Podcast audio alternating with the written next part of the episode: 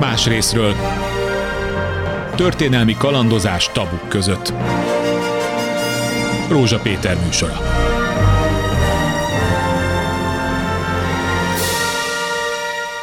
Lassan több mint 77 évvel ezelőtti történetet fogunk feleleveníteni a szakértő segítségével, egy borzasztóan szomorú történetet, ami ugyan nem egyedülálló, de annyiban igen, hogy ilyen hosszú időn keresztül hát tulajdonképpen sikerült, nem tudom, elhallgatni, sikerült nem beszélni kellő súlya róla, pedig 1944. szeptember 5-én történt, hogy a magyar hadsereg bevonult az erdélyi, addig még Romániához tartozó mezőségi falvakba, többek között Nagysármásra. Ez a megszállás tulajdonképpen 5 hétig tartott, és tulajdonképpen nagyon furcsa, mert ekkor már éppen Erdély kiürítése volt a hadiparancs, tehát ez is érdekes lesz, hogy miért vonulnak akkor mégis be a katonák, és miért történhet meg az, hogy ezek a magyar katonák csendőrök segítségével mindegy szálig kiírtják a faluban található zsidó lakosságot, anélkül, hogy erre felső parancsot kaptak volna. Persze mindezt onnan tudjuk, hogy egy fantasztikus kutató munka eredményeképpen Kovács Szabolcs történész, az Eszterházi Károly Egyetem doktorandusza, az Árkánum munkatársa felfejtette, kinyomozta, adatolta pontosan ezt a történetet, és most itt van a vonalban, jó napot kívánok, köszönöm. Jó napot kívánok. Uh, nyilván nem most ismerkedett meg ebben az ügyel, csak most publikálta nem. először, és uh, mit tudunk arról, és kezdjük akkor a legsűrűbb részével. Bevonulnak 44-ben ősszel a magyarok nagysármásra, és az ottani katonai vezetés eldönti, hogy az, zsidó, az ott található zsidókat megöli. Tarkó lövéssel, ahogy az oroszoktól tanultuk, ön idézi az egyik elkövető parancsnoknak a szavait, ha jól emlékszem, így volt? Igen, igen, igen, volt benne egy ilyen. Uh-huh. Ez hogyan zajlott, és a helyi lakosságnak az emlékezetében megmaradt-e? Hogyan jutott uh-huh. egyáltalán a nyomára? Igen, ami nagyon fontos tehát kiinduló pontnak, hogy miért is vonultak be magyar honvédek és magyar csendőrök arra a területre, ami ugye 1940. augusztus 30-án a második Bécsi döntést követően Romániánál maradt, tehát nem került vissza Magyarországhoz. Ez is érdekes uh, egyébként, igen, hogy miért nem igen. csatolták akkor vissza, de erre majd később kitérünk. Rendben van.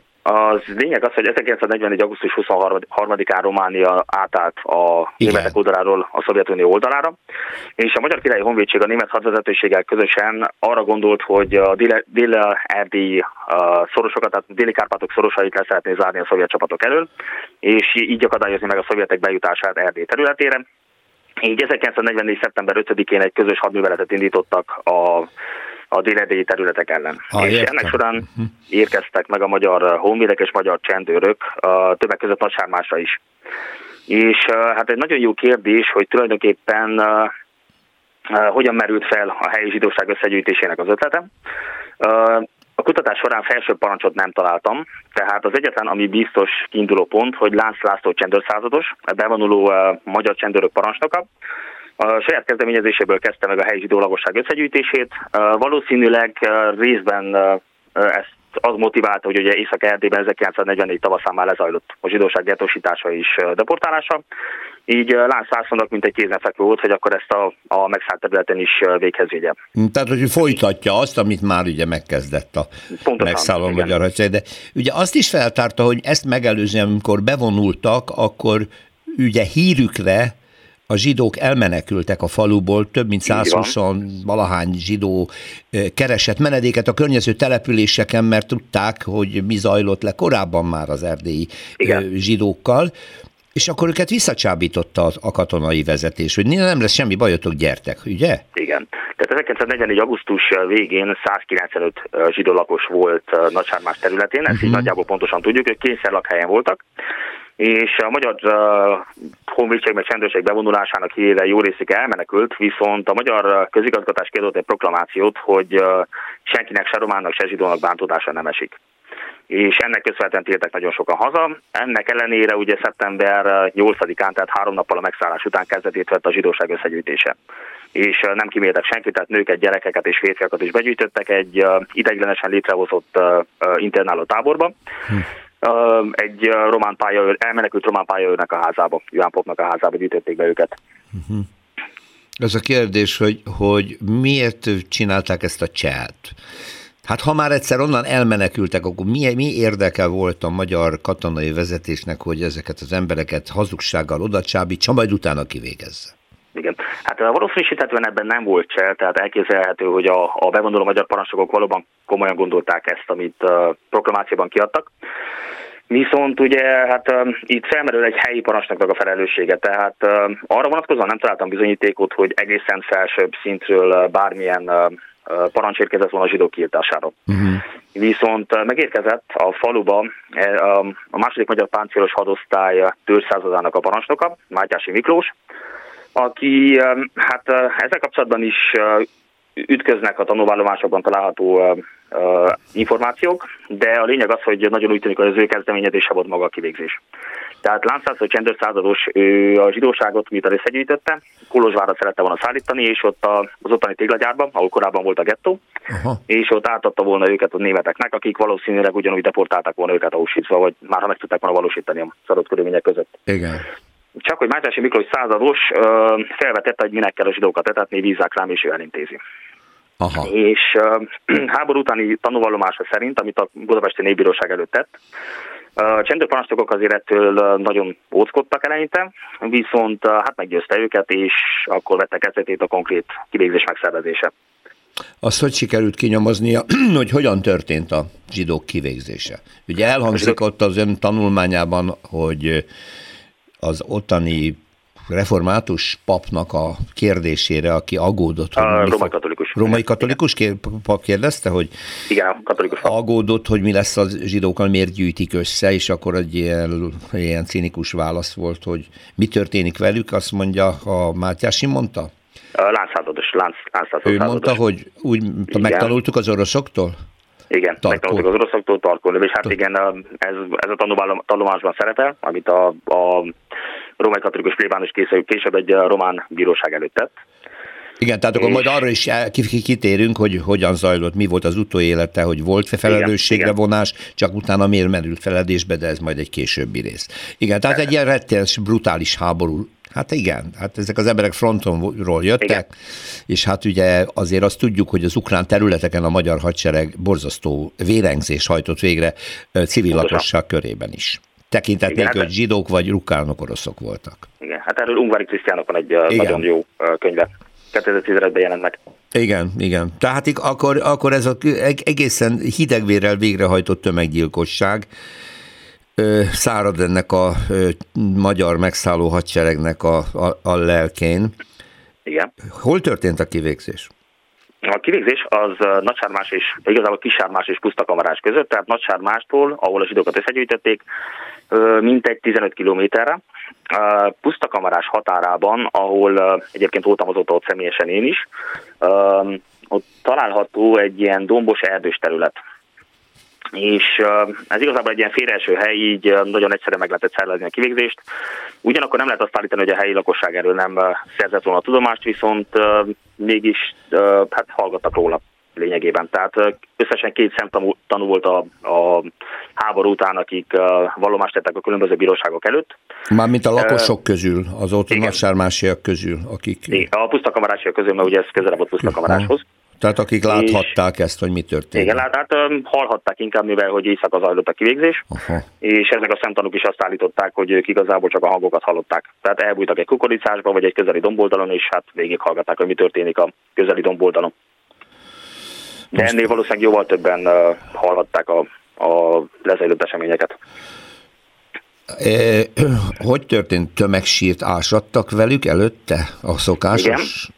Hát nem ők ásták ki, nem. hanem igazából ez úgy történt, hogy a csendőrparancsnokok megkezdték a zsidóság útnak indítását, úgymond könnyékbeli román szekereseket tereltek össze, 12 román szekerest, nem volt önkéntes a jelentkezés természetesen, és hát ennyi dúltak velük Kolozsvár fele. És menet közben Mátyási százados erről tudomást szerzett, így egy katonai kontingenssel utánuk vonult, és lényegében erőszak alatt tartotta őket pusztakamarás határában. Uh-huh. Egy gémes kút mellett, ami egyébként még ma is áll. Tényleg? És igen, lát, szinte semmit nem változott a táj 77 év alatt. És hát amíg a zsidókat leparancsolta a szekerekről, és amíg ott ültek a, az út oldalán, addig katonákat vezényelt ki, és a katonák ásták meg a sírokat. Tanúvallomások szerint volt elég négy orosz hadifogó is. Uh-huh. És ők közösen ásták ki a sírokat, mikor pedig ez megvolt, akkor kezdték meg a konkrét kivégzés megszervezését, tehát felkísérték a zsidókat egy rész, egy darabon, majd pedig menet közben levetköztették őket, a kiásott tömegsírokhoz kísérték, és ott pedig volt egy ilyen önkéntes alapon kiválasztott tízfős halálosztag, amelyik tarkolövéssel kivégezte őket, főként gépisztolyokkal. A a háború után az exhumáláskor rengeteg 9 mm-es töltényhüvelyt találtak a tömegsírban, ami szintén a pisztoly és géppisztoly való kivégzés mellett tanúskodik. Ugye ezt úgy kell elképzelni, hogy itt ugye 129 ember, köztük több, több, több mint 40 kisgyerek volt, akinek pólyá, pólyás kisgyerek volt az anyának a kezében, úgy végezték ki őket, legalábbis az exhumálás után ezt lehetett rekonstruálni. A tanuk, akiket említett, ugye egy, két, két ö, ö, helyi lakos, de a kivégző osztag tagjai azok bíróság elé kerültek később? Több, többiek is? Nagyon kevesen. Tehát nagyjából 40 katonai csendőr vett részt ezen a műveletem, és hát nekik egy töredékig került a bíróság elé a háború után. Hát Magyarországon a Budapesti Népbíróság 1947 és 48 között folytatott le egy pert, melynek során 11 vádlott állt a bíróság előtt, és hát közülük négy személy volt, aki bizonyosan részt vett valamilyen formán a kivégzésben, illetve volt még két személy, akik a, a, a tömegsírok kiásásában vettek részt, viszont magában a kivégzésben valószínűs, valószínűsíthetően nem, legalábbis ez bizonyítani nem lehetett. Uh-huh. És hát ennek az eljárásnak a végén hét halálos ítélet született, amelyből négyet hajtottak végre. A kivégzettek között volt Mátyási Miklós százados, Bodrogi Ferenc főtörzsörmester, aki állítólag az egész kivégzés gyakorlati megszervezésének az irányítója volt, valamint Rózsa János tábori csendőrőrmester, aki valószínűleg valóban részt a kivégzésben, tehát uh, gépisztolyokkal végeztek az embereket, meg egy másik őrmester, aki különösen brutálisan járt el, tehát a, a kivégzéshez kísérendő embereket bottorit legelte.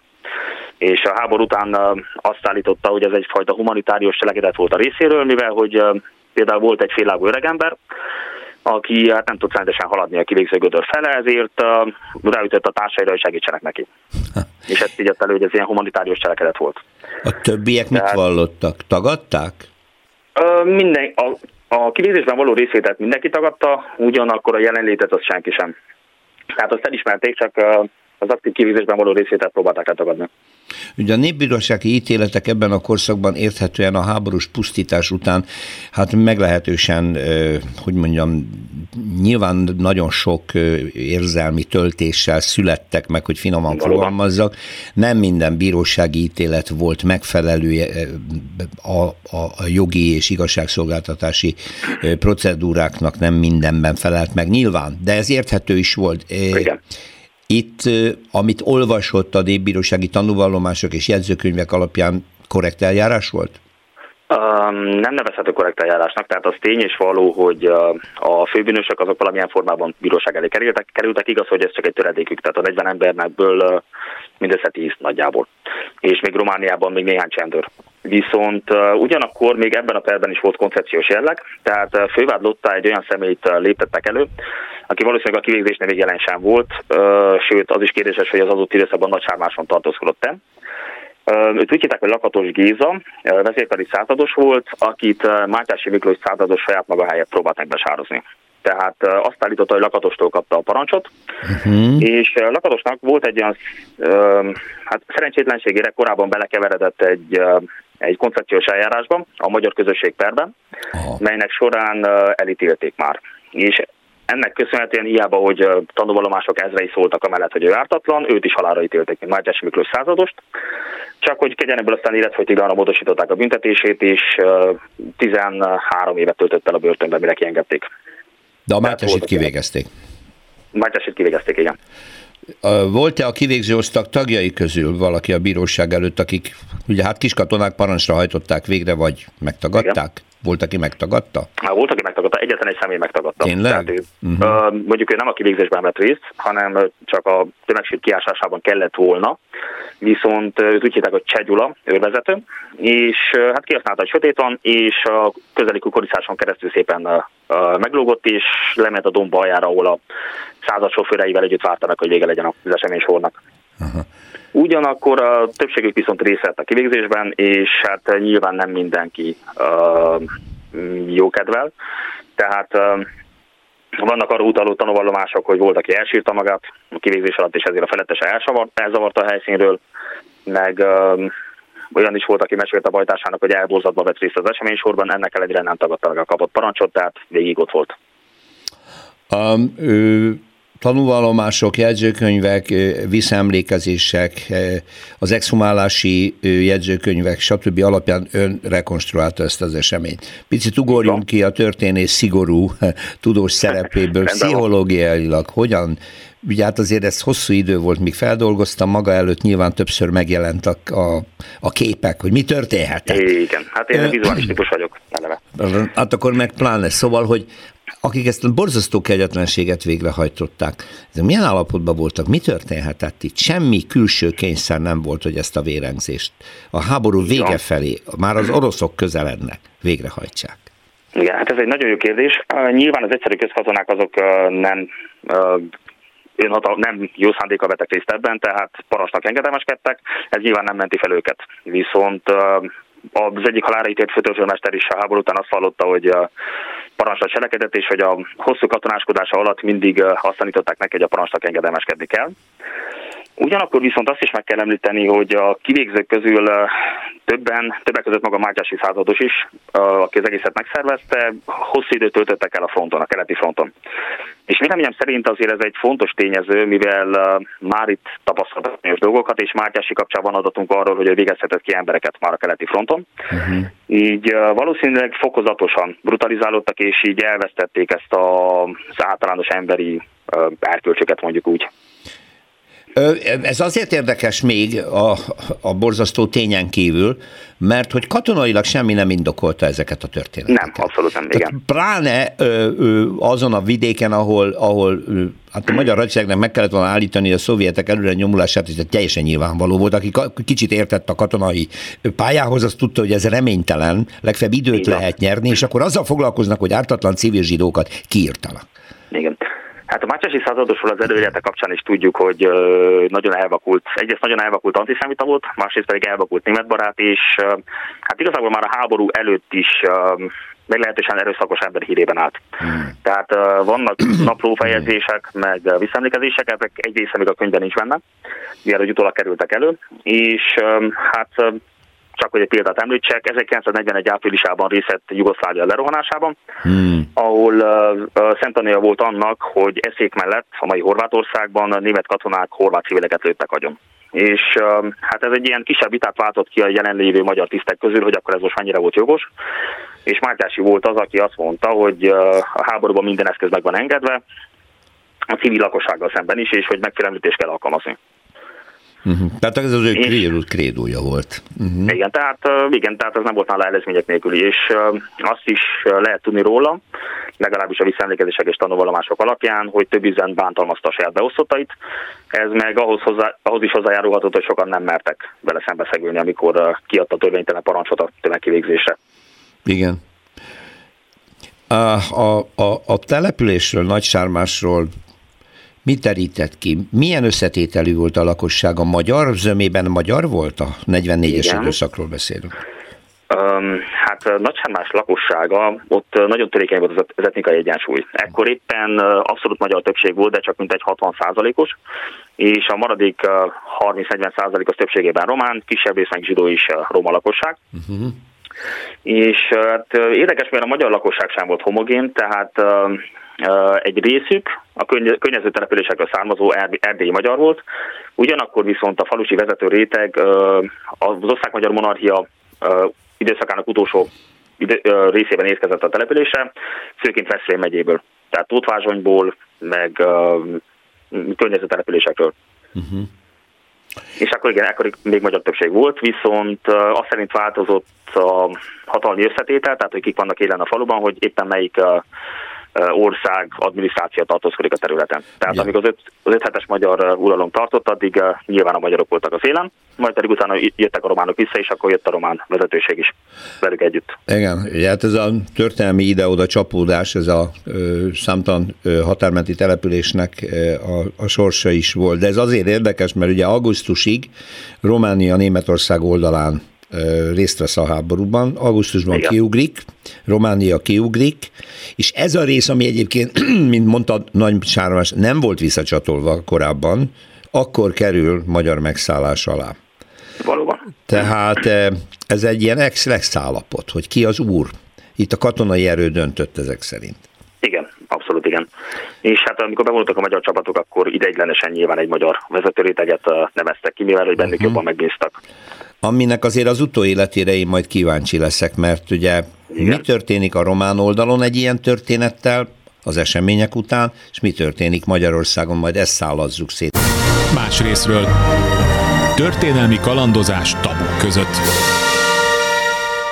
Kovács Szabolcs történésszel beszélek az Eszterházi Károly Egyetem doktoranduszával, az Árkánom munkatársával, aki feltárta ezt az 1944. szeptember és október között zajló tömegmészárlást Nagysármáson. Szóval Ugye az elhallgatás az minden érintett országban tetten érhető, Magyarországon is nagyon szépen, hogy mi az, ami kellemetlen a történelemből. Ezt a Orbán kormány ugye törvénybe is foglalta, hogy a német megszállástól kezdve Magyarországot semmilyen felelősség nem terheli. Hát tudjuk, hogy ez mhm. történelmileg nem állja meg a helyét. Na de Romániában is hasonlóképpen ö, ö, lehetett forgatni. Azért kérdeztem, hogy Nagy Sármásnak milyen volt az etnikai összetétele, mert ugye a magyar ellenesség ö, politikájában fel lehetett használni ezt a tömegmészállást. És gondolom Pontosan. ezt a románok meg is tették, nem? Pontosan, pontosan megtörtént ez így. Nagysármást rendszerint, mint egy a kurti fasizmus, meg a magyar fasizmus bizonyítékaként vetették fel, és ez arra is adalékokat szolgáltatott, hogy a saját felelősségüket kisebbítsék a Jási tömeggyilkosságban, vagy a Beszarábiában elkövetett zsidó ellenes tömeggyilkosságokban. Uh-huh és hát sajnos Nagysármásra rányomta bélyegét a román emlékezett politika, tehát emeltek egy hatalmas obeliszket, a kommunista időszakban megemlékezéseket tartottak ott, és lényegében részben ez is hozzájárul ahhoz, hogy uh, Nagysármáson ott helyben azért úgy még a mai napig elég um, kínos ez az egész történet, és magyar oldalról sem nagyon szívesen emlékeznek vissza rá. Hát persze, mert egymás szemére lehet vetni a bűnöket, persze. ugye? Hogyha igen, te, igen. te engem azzal vádolsz, hogy kiírtottátok az itteni zsidókat, akkor én meg azzal vádolok, hogy ti meg üldöztétek a magyarokat, tehát ez egy Igen, pim, történelmi pingpongozás. Mikor emelték ezt az emlékművet ott a tömegmészállás helyén? Közvetlenül 1945 után. Ah, tehát rögtön utána. Rögtön utána, igen, igen, igen. És hát van egy, egy zsidó temető, aminek a kapuit sajnos jelenleg zárni kell, mivel rendszeresen vandalizálták. kereszteket festettek fel a, a kerítésre, meg merogálták a sírokat. Ez is zárják jelenleg. Ön mit gondol arról, és most megint kevésbé a történész, mint inkább a történelmi tények ismeretében gondolkodó értelmiségét kérdezem, hogy ugye, ami a magyar antiszemiták számára a zsidó, az a román etnikai fölényüket hangoztató nacionalisták számára a magyar. Ennek ellenére ez a közös sors a magyar zsidó együttélésben soha nem tudott dominálni, mármint hogy egymással szolidaritást vállaljanak. És ez nagy sármáson nekem úgy tűnik, hogy abszolút így volt, nem? Igen, hát um, nem lehet mondjuk uh, kollektíven uh, ráhúzni közösségre, mivel voltak, akik részt vettek, tehát a szényes valói voltak magyar gárdisták, akik a csendőrökkel együtt részt vettek a zsidóság összegyűjtésében, és hát az, az is tény, hogy volt egy elég erős antiszemitizmus a faluban. Tehát vannak visszaemlékezések és tanulvallomások, amelyek alapján különböző lakosok ilyen kijelentéseket tettek, hogy addig nem lesz nagy Magyarország, amíg zsidók élnek benne, Aha. vagy hogy eljött a zsidók utolsó órája. Ugyanakkor viszont az is tény, hogy amikor a zsidóságot összegyűjtötték, akkor voltak, akik uh, uh, hát félig meddig illegálisan uh, élelmiszerrel látták el őket, és hát volt néhány közbenjárás is, például a már említett református lelkész. Igen. Uh, Gergely Károly aki megpróbálta a zsidók szabadon bocsátását elérni, vagy egy környékbeli fölbirtokos uh, Kemény Béla, aki szintén próbálkozott hasonlóba. Tehát ilyen uh, inkább egyéni, itt egyéni a felelősség, nem annyira az etnikumtól függő. Uh-huh. Mihez hasonlítja ezt? mert hogy Ugye a katonák, azt említette, hogy az ide bevonuló magyar katonák a keleti fronton harcoltak előtte, tehát az ő tapasz, egyrészt a tapasztalataik, másrészt az, hogy is fogalmazott, háborús brutalitás, ami... Háborús brutalizáció, igen. Brutalizáció, ami a pszichéjüket eluralta. Igen. ahol azt jelenti, hogy lényegében válogatás nélkül, ha ellenséget vélnek, akkor pusztítanak, ölnek, és az ellenség az lehet civil, lehet zsidó, lehet ukrán, lehet orosz, igen, Olykor még magyar is, hogyha belső feszültségek támadnak. Hogy ez egy out of control állapot? Ilyenkor egy ilyen katonai vezető nem függetlenül attól, hogy eredendően is egy nacionalista, antiszemita ember volt, uh-huh. de hogy azt a gyilkosság sorozatot, ahol pici csecsemőtől öreg aggasnyánig tarkólövéssel odarakja a fegyverét, és ezt el, elsütve végrehajtja, és aztán, ahogy mondta, a népbírósági tárgyaláson sem lehetett a megbánást tanúsít, vagy tapasztalni részükről, csak a felelősség elhárítását, hogy még a háború után sem oldódott fel bennük, hogy úristen, mit csináltam. Ön erről mit gondol? Ennyire gonosz tud lenni az ember, hogy még ekkor is megtartja azt az alapállását, hogy ezeknek az embereknek el kellett pusztulniuk? Uh, igen, mondjuk ezt annyiból nem feltétlenül lehet out of control állapotnak nevezni, hogy itt maga ugye a, a parancsnok volt az, aki ezt az egészet bátorította. Tehát gyakorlatilag uh, a parancsnok jóváhagyásával, sőt kezdeményezésére uh, kerül sor erre a teljes eseményre. És hát igen, ez egy nagyon jó kérdés, mondjuk pszichológus nem vagyok, de mm, valószínűleg már amennyiben meg is bánták, próbálták ezt valahogy tehát kicsinyíteni, tehát a saját felelősségüket. Tehát ha meg is bánták, nem akartak érte bűnhődni, mint egy, mondhatjuk így is. Értem én ezt, csak nem akarom most nagyságrendileg nyilván más ügyről van szó, a Nürnbergi perről, a német háborús bűnösök peréről, ahol a legtöbbjükben a mérhetetlen cinizmus, megmaradt fölény érzet, az elutasítása minden bűnnel való szembenézésnek, stb. Hát ugye birodalmi szemléletből, birodalmi tapasztalatból, birodalmi élményekből fakadva ők már a saját identitásukat őrizték a halál árnyékában is, ami ami, ami talán érezhető. De azok a kis emberek, akik részt vesznek ebben a darálómalomban, vagy ebben a pergőtízben, hogy Sárált idézzem, Igen Később ezt nem akarják helyre tenni. Tapasztalt olyat, látott olyan jegyzőkönyvet, tanúvallomást, ahol valaki is azt megpendítette, hogy a francba hogy keveredtem én ebbe bele? Nem, egyáltalán, egyáltalán ilyen tanulvallomást láttam. Hm. És hát igazából felmerül, tehát uh, itt felmerül a háború előtti és alatti magyar adminisztrációnak a felelőssége, ugye a román oldalon meg a románi is, amiért ugye hát évtizedeken keresztül az antiszemita politikát azt folytatta, és fokozatosan fosztotta meg az emberi mi voltoktól a zsidó lakosokat. Tehát úgy a romániai, mint a magyarországi zsidó lakosokat. Így egy adott ponton már valószínűsítetően több embernek is evidens volt, hogy a zsidókkal szemben az általános emberformák betartása az nem szükségszerű. És hát ez, ezt is egy lehetséges magyarázatnak látom.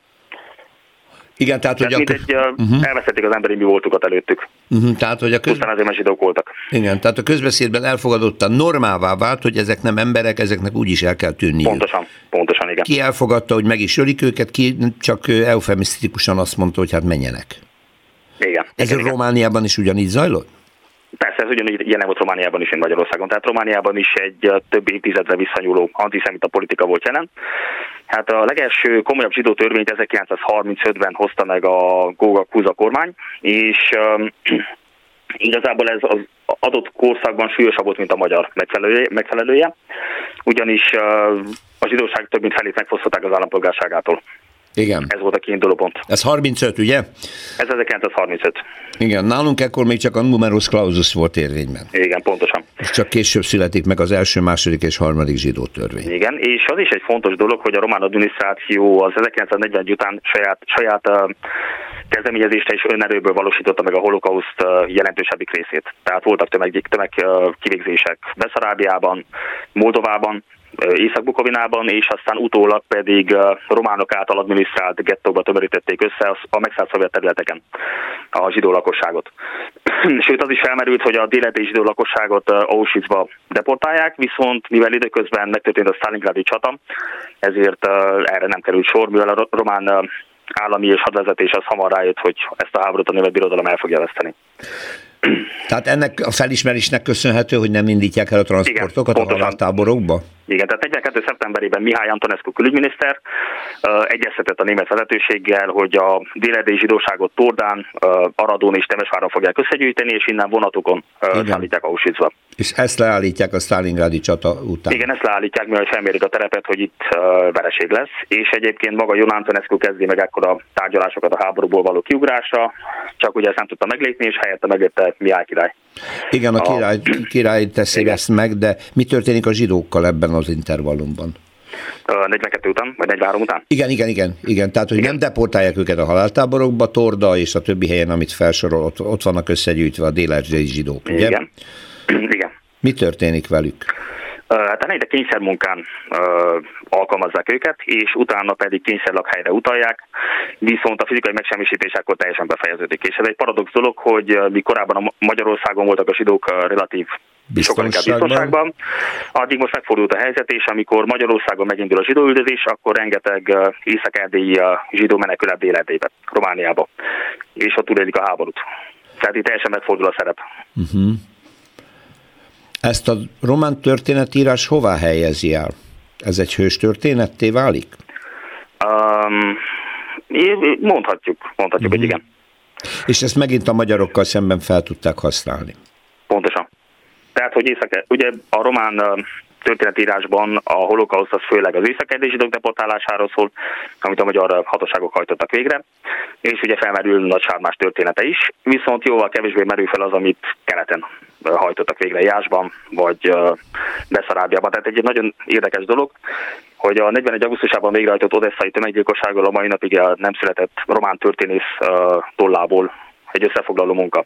Hm amerikai történész írt róla. És az aztán megjelent később románul is. Az már megjelent, de gondolom a rendszerváltás után, nem? Hát az még az 50-es években jelent meg Amerikában, és rendszerváltás után fordították románra, igen. Uh-huh. Magyarul nem jelent meg? Magyarul nem, nem. Uh-huh. Egyáltalán, ha a forrásait tekinti, magyar és a román oldalról, melyek voltak a megbízhatóbbak, gazdagabbak, vagy egyforma? Hát teljesen megbízhatónak egyiket sem tekinthetjük, ezek főleg úgy bírósági források. Aha. Tehát itt ez fontos, hogy mikor ezeket felhasználjuk, akkor dekonstruálni kell. Igen. Tehát fontos ismerni a koncepciót, hogy mi alapján születtek ezek a, a bírósági eljárások. Viszont egy nagyon hasznos dolog volt, hogy tudtam őket ütközhetni egymással, ugyanis a romániai bíróságok és a magyarországi bíróságok nem álltak egyáltalán semmilyen kapcsolatban egymással. És uh, a román bíróság vagy a magyar bíróság előtt született megalapít, megállapításokat ütközhetve így tudtam bizonyos hát megállapításokat tenni. Egyáltalán nem történt egyeztetés egyetlen esetben sem, amikor az Erdélyben végrehajtott bűnöket, elkövetett bűnöket vagy a román, vagy a magyar népbíróság vizsgálta, és nem kértek egymástól adatokat? Igen, ez egy, megint egy érdekes kérdés, ugyanis kértek egymástól adatokat, Aha. csak nem bíztak egymásban. Tehát 1945 után vagyunk, mindkét ország fokozatosan betagozódott a, a keleti blokkba, tehát a Szovjetunióval baráti viszonyban levő államok közé, és ennek ellenére sem bíztak meg egymásban, tehát a román bíróságok például kérték a 48-as Magyarországi Budapesti Népbíróság peranyagát, és hát gyakorlatilag nem kapták meg. Nem kapták és kértek, meg. Nem, és kértek kiadatásokat is, tehát Lánszászó csendőr százados, meg más csendőrparancsnokok kiadatását, és ez se történt meg. Uh-huh.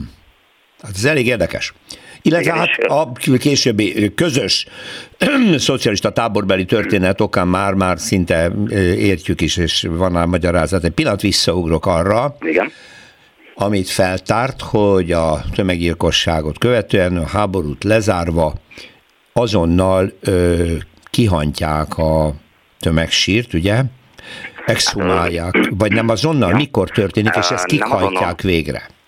Igen, tehát az az érdekesség, hogy egyébként nem volt olyan hatalmas nagy érdeklődés a tömegsír exhumálása iránt. Tehát ugye a tömeggyilkosság megtörtént 1944. szeptemberében, október 10-én visszaírt a szovjet román közigazgatás, és az exhumálásra egészen 1945. februárjáig kellett várni, uh-huh. és ekkor is csak a, a bukaresti a Zsidó Hitközségi Federáció hosszas követelésére került erre sor. És az az érdekesség, hogy annak ellenére, hogy a Nagyszebeni Hadbíróság vizsgálta éppen a tömegkivégzés ügyét, nem volt jelen a helyszínen román katonai kiküldött. Tehát gyakorlatilag helyi lakosok voltak jelen, akiket egy részüket erőszakkal hajtották össze, tehát a környékbeli magyar lakosságot, másrészt pedig helyi zsidó túlélők, és hát kivezényeltek három környékbeli körorvost, akiknek a korbonszani vizsgálatokat kellett elvégezni. Közülük a visszaemlékezések szerint az egyikük annyira részeg volt, hogy nem tudott részt venni a tulajdonképpeni munkában. Hm. Azt írja, hogy Sütő András édesapja is ott volt a ki sírok föltárásakor, tehát az exhumálásnál, és le is írtam, mert Sütő később meg is látogatta a helyszínt, akár többször is, ugye, onnan származik, Igen. hogy micsoda borzalmas munka volt, ami több mint egy napig tartott egyfolytában. A Igen, több, több 29 órát. 29 órát, a 129 holtestet 126, kellett. igen. 126 holtestet kellett ki. Mi történt a holtestekkel? Zsidó temetőbe kerültek? Igen, tehát őket a kivégzés helyszínétől egy kicsivel lennebb a domnak az aljában temették el, és hát itt hozták létre azt a temetőt, ami a mai napig is létezik, és itt temették később aztán az obeliszket is. És rendes izraelita szertartás szerint temették el őket.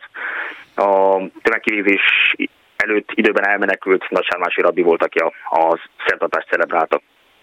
Uh-huh azt mondja meg nekem, hogy egyáltalán hogyan jutott ennek a nyomára. Mert ugye ez lezajlottak a bírósági tárgyalások, ahogy azt említette, részint román oldalról, részint magyar oldalról, úgy, ahogy, és aztán kész adakta az egész. Sütő András egyszer ír erről, valamelyik művében megemlíti, ugye? Hogy... Igen, hát néhány művében megemlíti. Vagy több művében? Uh-huh. Például van a híres regénye, az Anyám könnyű álmot ígér. Igen, abban és van. abban is utalás szintjén, igen, megjelenik. Az a Bertalanél Szent Bertalané a lelkünkön című visszaemlékezés. Tényleg ez az a rész, igen. Egyéb irodalmat nem talál róla, csak a bírósági tárgyalásokat. Nem.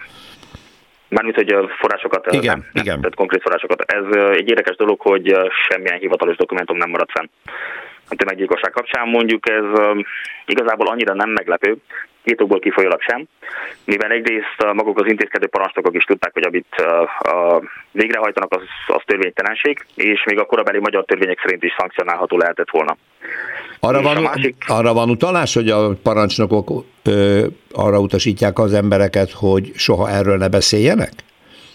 Igen? Az összes jelenlévő parancsnok sorakoztatta a katonáit, és kijelentették, hogy erről beszélni nem szabad, akinek pedig eljár a feje, az hadbíróság elé kerül. Aha, Ennek ellenére mondjuk azért terjedtek plegykák a századon belül, tehát ez a háború utáni tanúvallomásokor derült ki, hogy mindenki nagyon is tisztában volt azzal, hogy mi történt előtte. Igen, bocsánat, hogy közbezágtam, mert mondta, hogy milyen dokumentumokat talált még. Igen.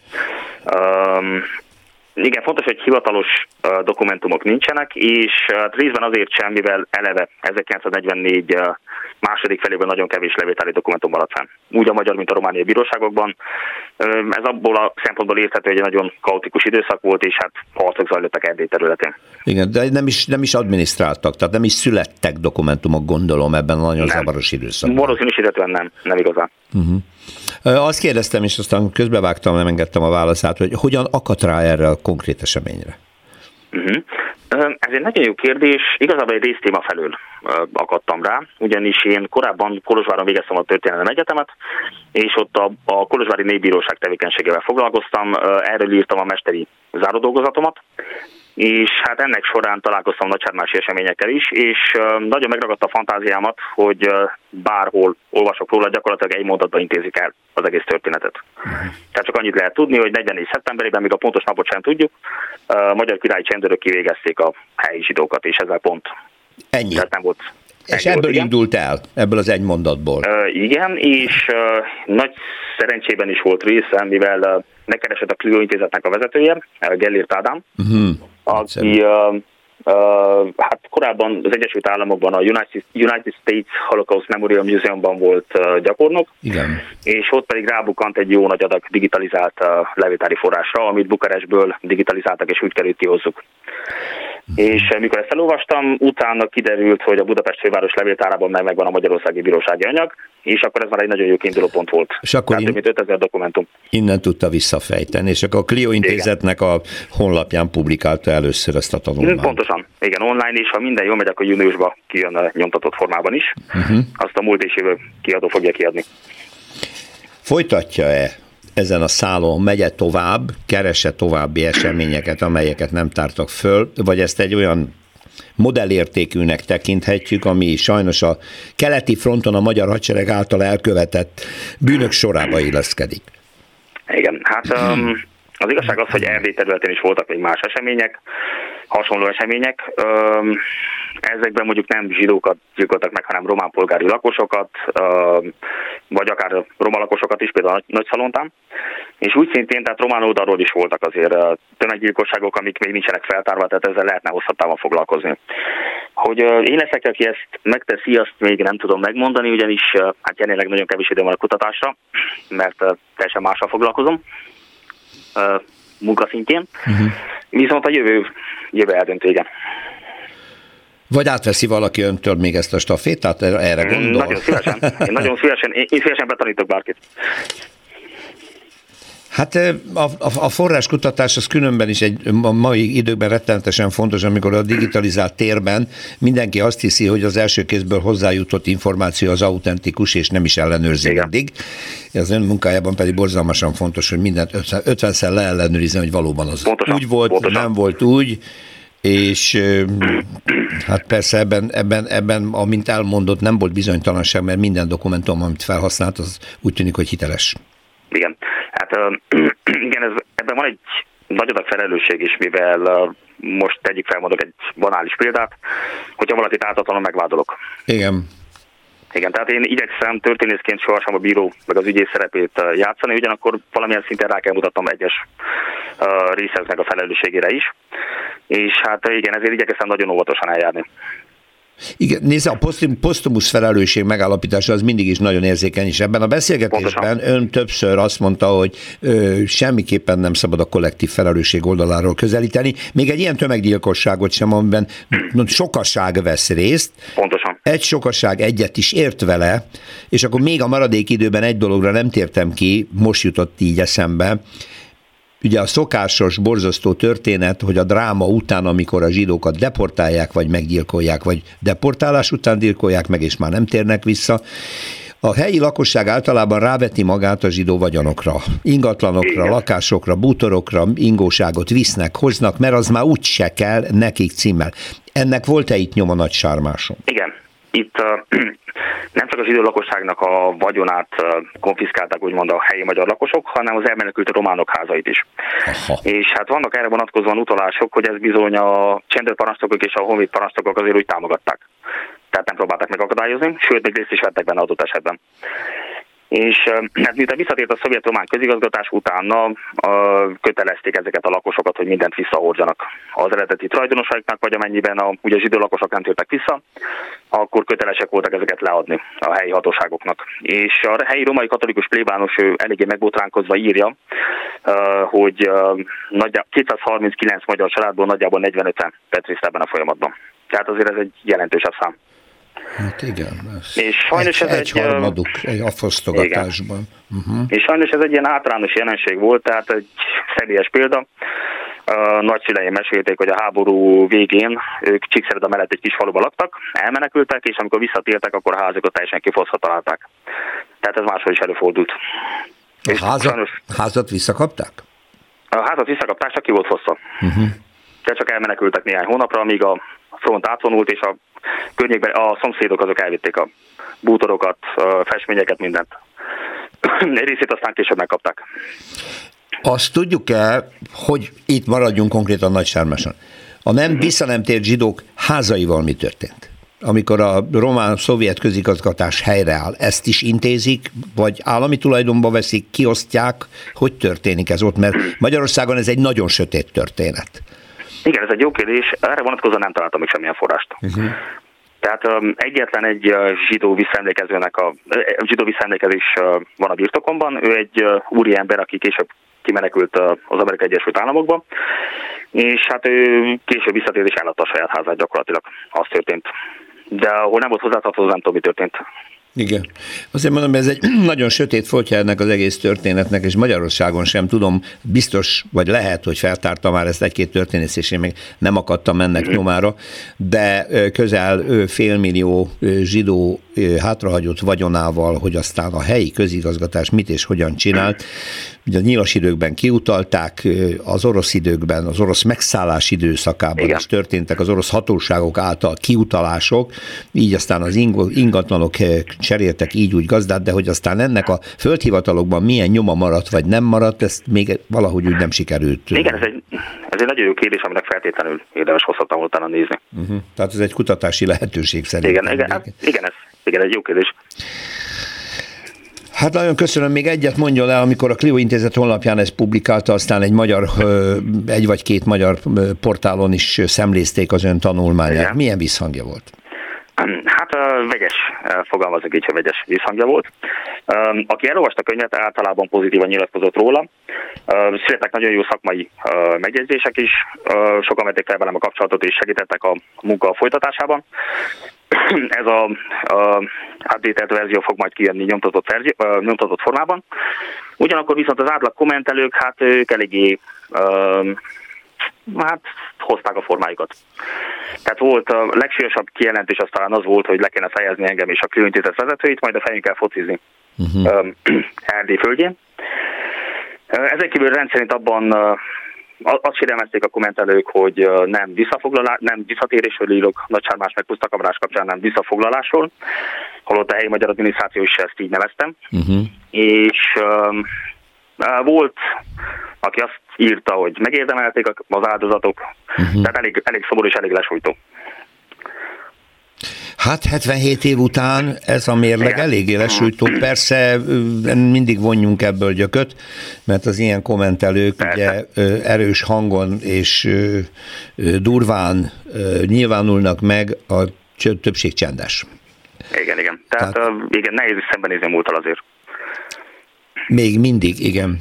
Nagyon igen. szépen köszönöm, gratulálok ez a feltáró munkához. Én remélem, hogy lesz utóélete, mert hát sajnos addig, amíg ezek a borzalmas bűnök így szépen elfedve maradnak, addig ilyen kommentelők egyre bátrabban jönnek igen, elő. Igen. Hát sajnos igen, ez ilyen.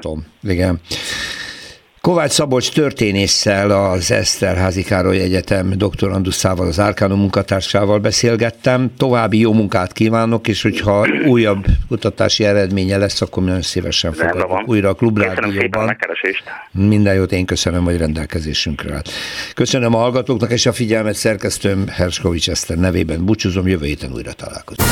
Más részről. Történelmi kalandozás tabuk között. Rózsa Péter műsorát hallották.